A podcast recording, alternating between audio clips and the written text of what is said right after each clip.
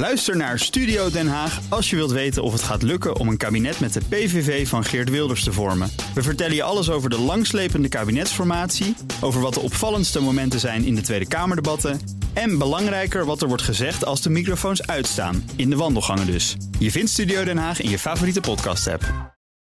De nieuwe wereld is mede mogelijk gemaakt door Economie en Bedrijfskunde van de Universiteit van Amsterdam. BNR Nieuwsradio. De nieuwe wereld. Annette van Soest. Al een tijd zinkt het plan rond in Brussel. De gezamenlijke inkoop van gas binnen de EU. Lang zagen Nederland en Duitsland het niet zitten, maar nu omarmen ook zij het idee. Het moet de gasprijs omlaag brengen. Maar gaat dat ook gebeuren? De intentie om gezamenlijk in te kopen zal effect hebben voordat we nog maar één kubieke meter gas gezamenlijk hebben ingekocht. Ja, het is niet het, per se het falen van de markt waardoor die prijzen zo omhoog gaat. Ja, het is een, een tekort aan, aan aanbod.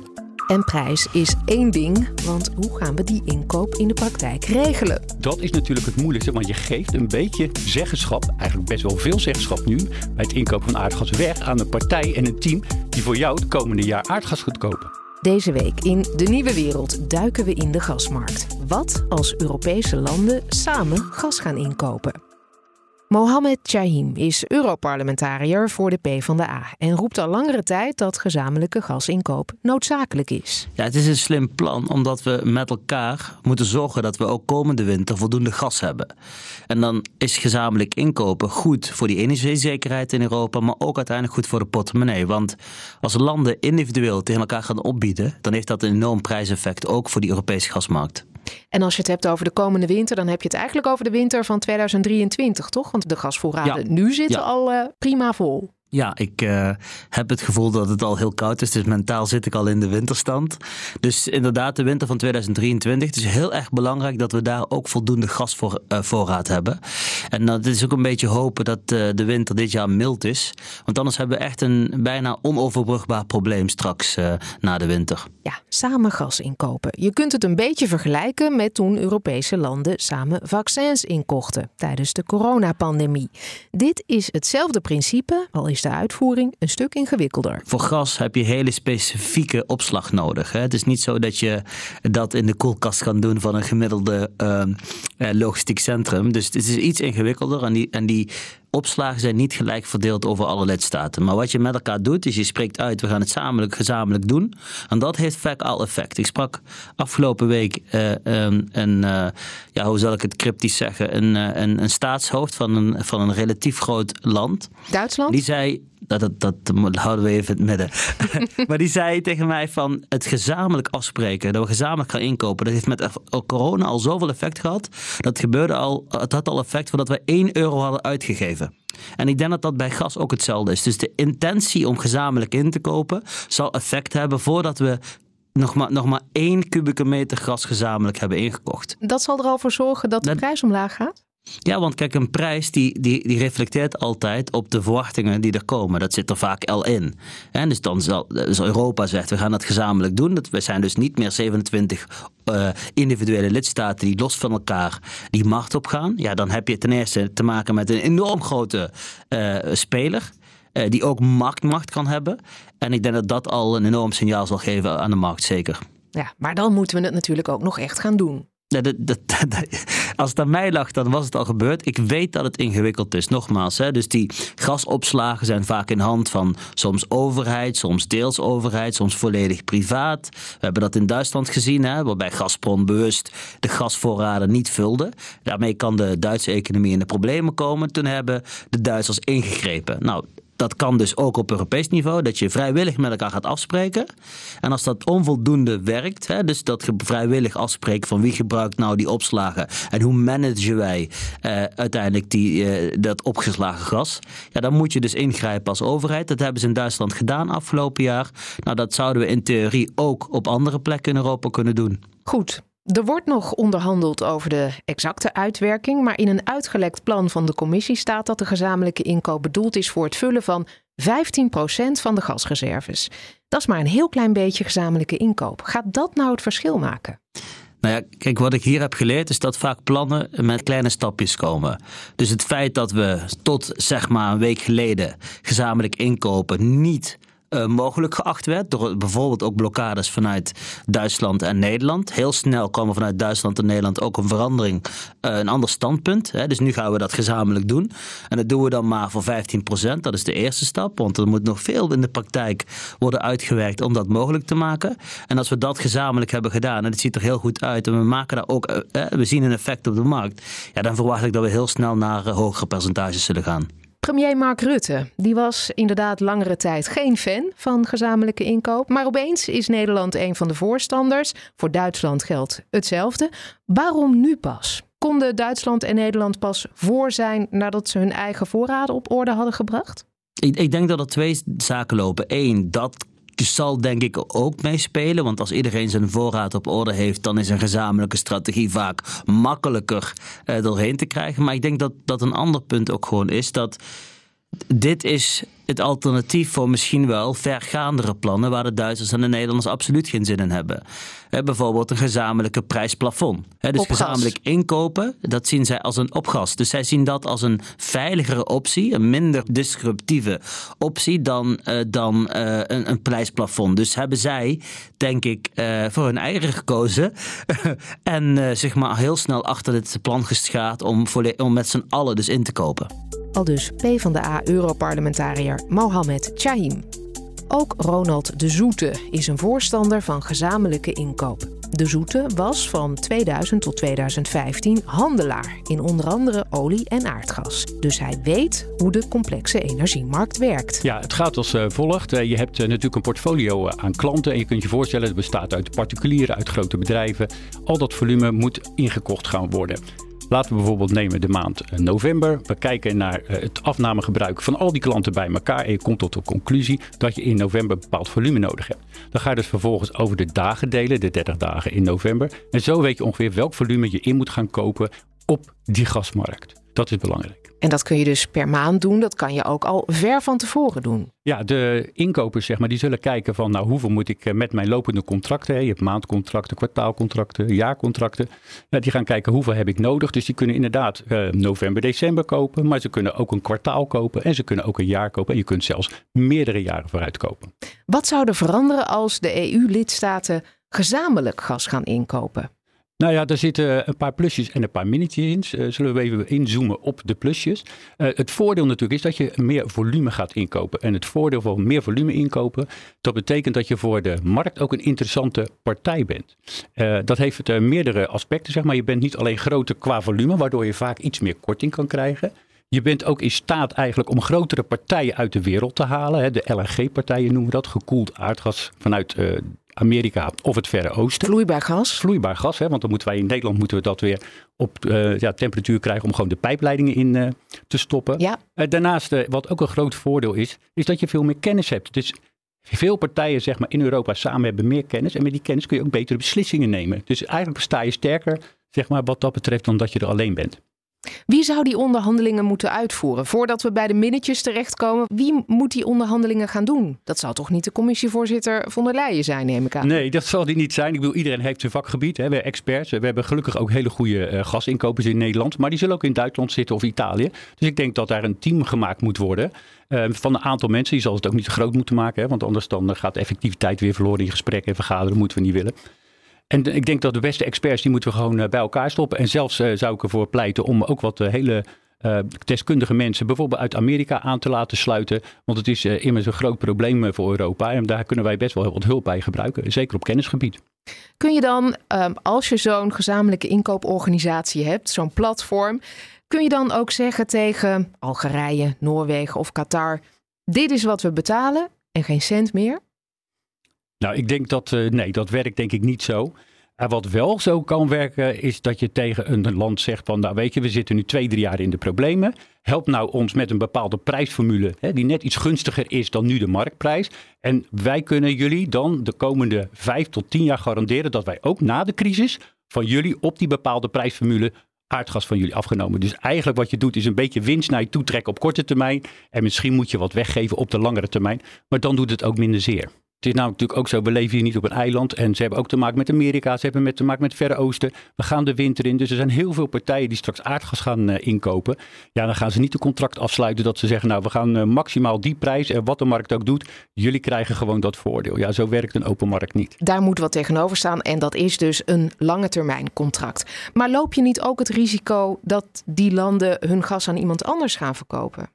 Wanneer je geen lange termijn contracten afsluit, dan heb je inderdaad het gevolg dat dat volume van die desbetreffende verkoper de spotmarkt opgaat, heet dat. En dat is een markt waar iedereen kan kopen. Dus sluit je geen lange termijn eh, contract af, dan ben je altijd per definitie overgeleverd aan die spotmarkt. En daar gaan de prijzen hard omhoog en omlaag. En heb je ook niet altijd de zekerheid dat het volume geleverd wordt wat je nodig hebt. Dus dat is het voordeel. Als je nou gezamenlijk inkoopt, ben je zo groot, zo interessant voor partijen, dat je inderdaad makkelijker aan tafel kan met Noorwegen of met. Wordt gas echt goedkoper als we samen gaan inkopen? Uh, als je kijkt zeg maar, naar de commodity, noemen ze dat, gewoon puur het aardgas, dan hoeft dat niet per definitie. Maar je kan wel slimmer inkopen, waardoor je logistieke kosten omlaag gaan. Onnodige logistieke kosten niet nodig zijn. Zoals? Je kunt je voorstellen, er is een aardgaspartij. En die aardgaspartij die zou in Amerika geladen worden en die gaat naar het Verre Oosten. Nou kun je bijvoorbeeld, stel dat je dat nu hard nodig hebt, kun je zeggen tegen zo'n partij in het Verre Oosten, joh, geef ons nou die partij, die aardgaspartij die gaat niet naar jou, die gaat nu naar Europa om de aardgasvoorraden te vullen en dan leveren we jou op een later tijdstip zelf nog een extra partij, eh, zodat jij dan toch genoeg aardgas voor je eigen consumptie nodig hebt. Dat noemen ze een timeswap. Dat is een ruil in de tijd. En dat kan heel, heel veel geld besparen. En dat is precies waar die handelaren zo heel sterk in zijn. En dat is waarom zo zij ook veel geld verdienen. Is door dus die logistieke kosten omlaag te brengen. Want met aardgas maakt het logistieke uh, kosten een heel groot deel uit. Dus je kan daar echt heel veel op verdienen. En misschien wel meer dan 10, 15 procent op je aardgasprijs. En daarom is die kennis van die aardgasmarkt en de shippingmarkt zo cruciaal. En daarom pleit ik dan ook wel kennis te delen bij die gezamenlijke inkoop. Ja, want uh, wat ik proef uit je woorden is dat Brussel, dat de politici die kennis niet hebben om het goed te organiseren. Nou, ze zullen uh, de team moeten organiseren en ze zullen de afspraken moeten maken om dat allemaal vorm te geven. Want je kunt je voorstellen, en dan komen we eigenlijk al een beetje bij de minnetjes. Hoe ga ik dat dan organiseren? Want al die landen, Italië heeft een idee, Duitsland heeft een idee, Nederland heeft de beste inkopers. Hè? Maar wat het altijd is in een collectief, want daar praten we dan over. Ga jij het collectief helpen of gaat het collectief jou helpen? En dat is natuurlijk het moeilijkste, want je geeft een beetje zeggenschap, eigenlijk best wel veel zeggenschap nu, bij het inkopen van aardgas weg aan een partij en een team die voor jou het komende jaar aardgas gaat kopen. Zijn we er dan qua minnetjes? Nou ja, de zeggenschap, dat is wel een dingetje. Hè? Mensen denken ook anders over onderhandelen. Hoe moeten die mensen gaan onderhandelen? Dat pure cultuurverschil, dat is al een dingetje.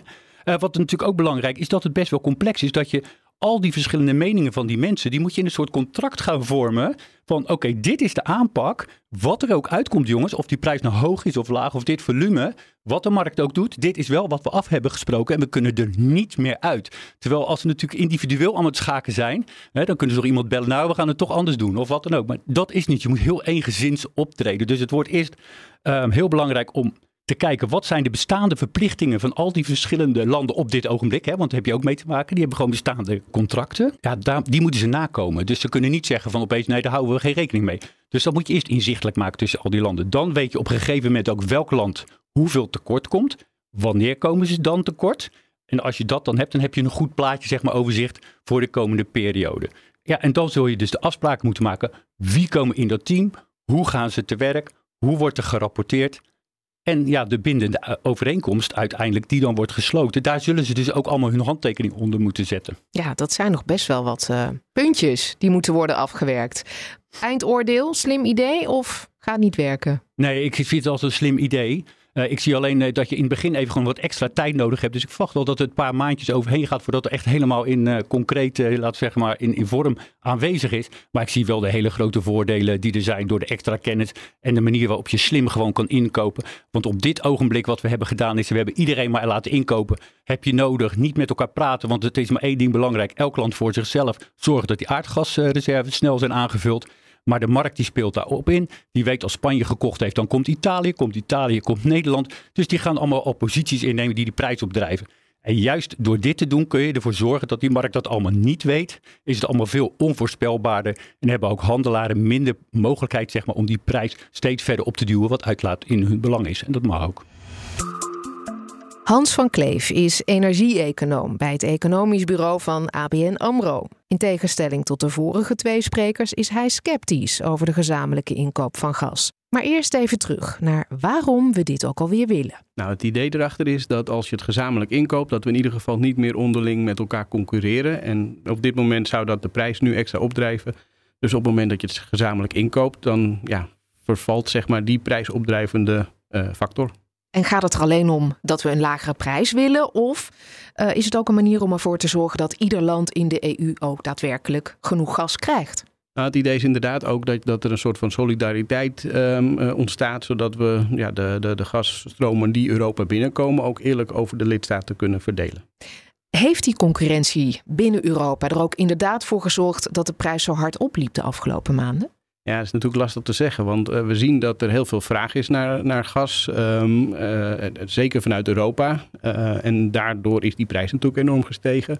Maar of we nou per se alleen intern concurreren, ja, ik, vraag me dat af. Want uiteindelijk, totale gas, het, het, aanbod van vloeibare aardgassen, LNG, ja, is wat het is. Um, en dat betekent ook dat wij vooral concurreren met afnemers in bijvoorbeeld Azië. Dus, dus we moeten een hoge prijs bieden, hoger in ieder geval dan de importeurs in Azië, om uiteindelijk dat gas uh, toch deze kant op te krijgen. Maar er is toch wel intern concurrentie ook. Want als Duitsland zijn gasvoorraad vult, dan is dat gas wat niet naar de Nederlandse of Roemeense opslag gaat. Klopt. Nee, in, in, in feite zou je het uh, kunnen splitsen. Eigenlijk zijn er twee gasmarkten. Je hebt de fysieke gasmarkt en dan klopt precies wat je zegt. Op het moment dat het gas in Duitsland, nou, alhoewel, we hebben ook inter, uh, of weet het, interconnectiecapaciteiten, die pijpleidingen die, die stoppen niet bij de grens. sterker nog, wij exporteren als Nederland veel. Uh, richting bijvoorbeeld Duitsland. Dus in die zin is het ook wel redelijk aan elkaar gekoppeld. Uh, maar ja, oké, op het moment dat de voorraden uh, bijvoorbeeld in Oost-Europa of in Zuid-Europa gevuld zijn, ja, dan, dan, dan is dat niet bij ons uiteraard. maar daarnaast heb je de financiële markt. En de, deze maatregel is ook bedoeld om die gasprijs te drukken. Maar ja, die financiële markt moet je echt eigenlijk loszien van de, van de fysieke markt. En lossen we dat niet op door nu als één blok te gaan inkopen? Nou, ik denk, nee, eerlijk gezegd verwacht ik daar dat niet, uh, in ieder geval niet door die prijsopdrijvende effect. Omdat, ja, wat ik zeg, het, probleem is, is schaarste. Um, het aanbod wordt er niet groter van. Uh, je zou hooguit kunnen zeggen dat, ja, oké, dat je het, het, beschikbare aanbod iets beter verdeelt. Uh, maar dan, dan, loop je tegen andere problemen aan. Hè? Van, van, is het überhaupt juridisch wel mogelijk? Hoe gaan we dat toepassen? Uh, en, en, ja, er zitten allerlei haken en ogen aan, waardoor ik uh, ja, sceptisch ben. Ja, ja. Was het. Daar komen we zo. Um, okay. Wat je zegt, ja, het, het grote probleem, het eigenlijke probleem, is dus schaarste. Ja. Wordt dat werkelijke probleem uit het oog verloren? Door dit soort maatregelen? Ik weet niet of het uit het oog verloren wordt, maar het, het probleem schaarste, dat, dat zorgt automatisch voor dat je een opdrijvende prijsdruk hebt. Um, en het is dus niet het, per se het falen van de markt, waardoor die prijzen zo omhoog gaat. Uh, het, het, het, ja, het is een, een tekort aan, aan aanbod. Zeg maar, ja, dat de zijn gedachte... dus de knoppen waar je als politiek aan moet draaien. Ja, maar dat is natuurlijk heel lastig, omdat we het probleem het liefst deze winter of maximaal volgende winter willen oplossen. Maar ja, het probleem is natuurlijk al, al jaren terug ontstaan. Hè, dat, dat we niet meer wilden investeren in uh, fossiele brandstoffen en heel erg in willen investeren in duurzame brandstof. Alleen de investering in duurzaam ging minder hard dan het afbouwen van fossiel. Dus dan, dan, dan, ja, dan gaat het scheef lopen. En uh, uiteraard heeft Poetin natuurlijk het hele proces onwijs versneld. En, en uh, door, die, die, dat, door het wegvallen zeg maar, van de Russische uh, gasstromen richting Europa kwam er een probleem. Zelf kunnen we het ook niet meer oplossen. Hè. Zeker nu we Groningen natuurlijk, het Groningen gasveld, langzaam aan het sluiten zijn. ja, dan, dan rest ons niets anders dan naar import te kijken van met name vloeibaar aardgas. En alternatieve energiebronnen zoals kolen en kernenergie natuurlijk ook. En, en meer duurzame energie, maar dat gaat dus veel geleidelijker. Laten we ervan uitgaan dat er een gezamenlijke inkoop komt. Hoe ga je dan vervolgens het gas binnen Europa verdelen? Ja, dat is een goede. Uh, geen idee. Naar RATO wellicht, maar hoe dat dan verdeelt, ja, ik, heb geen idee. Ik vraag me ook af uh, wat er gebeurt op het moment dat wij bijvoorbeeld um, uh, onze voorraden volledig gevuld hebben, maar nou, laten we zeggen de Duitsers niet. Gaan wij dan tekorten creëren in ons land om de Duitsers, Duitsers te compenseren? En wellicht dat die verbondenheid dusdanig is dat we dat nog wel gaan doen, maar als je, als je iets verder uitzoomt, zeg maar tussen Oost- en West-Europa, ja, dan zal die bereidwilligheid een stuk kleiner zijn. En we zien nu al hoe dat Hongarije eigenlijk gewoon compleet zijn eigen plan trekt en uh, zich niet aantrekt van de situatie in de rest van Europa. Dus dat, ja, dat zie ik toch wel als een risico die, die verder zou kunnen verspreiden. Jij vraagt je af um, hoe sterk die solidariteit is. Precies. Als er misschien ook weer een hele koude winter overheen komt. Ja, absoluut. Je noemde net nog een paar andere punten, hè? Uh, haken en ogen. Juridisch zie jij ook een probleem? Nou ja, ik, ik ben geen jurist, dus, uh, maar ik kan me voorstellen dat uh, er natuurlijk allerlei kartelwetgeving is uh, die dit zomaar zou kunnen verbieden. Ik bedoel, uiteindelijk, het gas wordt niet ingekocht door overheden. Het gas wordt ingekocht door bedrijven. En ja, dus de overheden kunnen wel zeggen, we moeten samenwerken. Maar uiteindelijk zijn het bedrijven die dus met elkaar op moeten trekken op die gasmarkt. En ik vraag me af of dat juridisch zomaar mag. Hans van Kleef ziet dus nog wel wat hobbels en eigenlijk wordt het komend voorjaar pas echt spannend. Een koude winter voor dit jaar, nou ja, die kunnen we wellicht um, goed handelen, want ja, onze voorraden zijn goed gevuld. Maar waar ik me meer zorgen over maak is voor de volgende winter. Want ja, uh, deze winter die hebben we dan straks gehad. Dan weten we in, in maart, april hoe de voorraden ervoor staan. En dan moeten we dus weer opnieuw die markt op om onze voorraden te gaan vullen. Um, en ja, dit jaar heeft China en, en, andere landen in Azië, die hebben zich uh, redelijk koers gehouden. Sterker nog, die hebben aanbod ingekocht, doorgeschoven richting Europa. Maar dat hoeft zomaar volgend jaar niet het geval te zijn als ook zij een koude winter hebben gehad. En als zij um, ja, meer moeten focussen op, op toch het gebruik van gas uh, in plaats van bijvoorbeeld kolen vanwege milieuaspecten. Ja, conclusie, je bent nog niet helemaal overtuigd. Uh, nee, ik, ik, ik ben, ben, nog steeds wat sceptisch over de plannen van Europa. Maar goed, uiteindelijk uh, uh, ja, zullen alle beetjes bij moeten dragen om, om, uh, om door deze situatie heen te komen. Dat gaat echt nog wel een paar jaar duren. Eind deze week bespreken regeringsleiders de plannen op een EU-top. Tot zover deze aflevering van De Nieuwe Wereld. De Nieuwe Wereld is mede mogelijk gemaakt door Economie en Bedrijfskunde van de Universiteit van Amsterdam. Ook Bas van Werven vind je in de BNR-app. Ja, je kunt live naar mij en Iwan luisteren tijdens de ochtendspits. Je krijgt een melding van Breaking News. En niet alleen onze podcast Ochtendnieuws, maar alle BNR-podcasts vind je in de app. Download nu de gratis BNR-app en blijf scherp.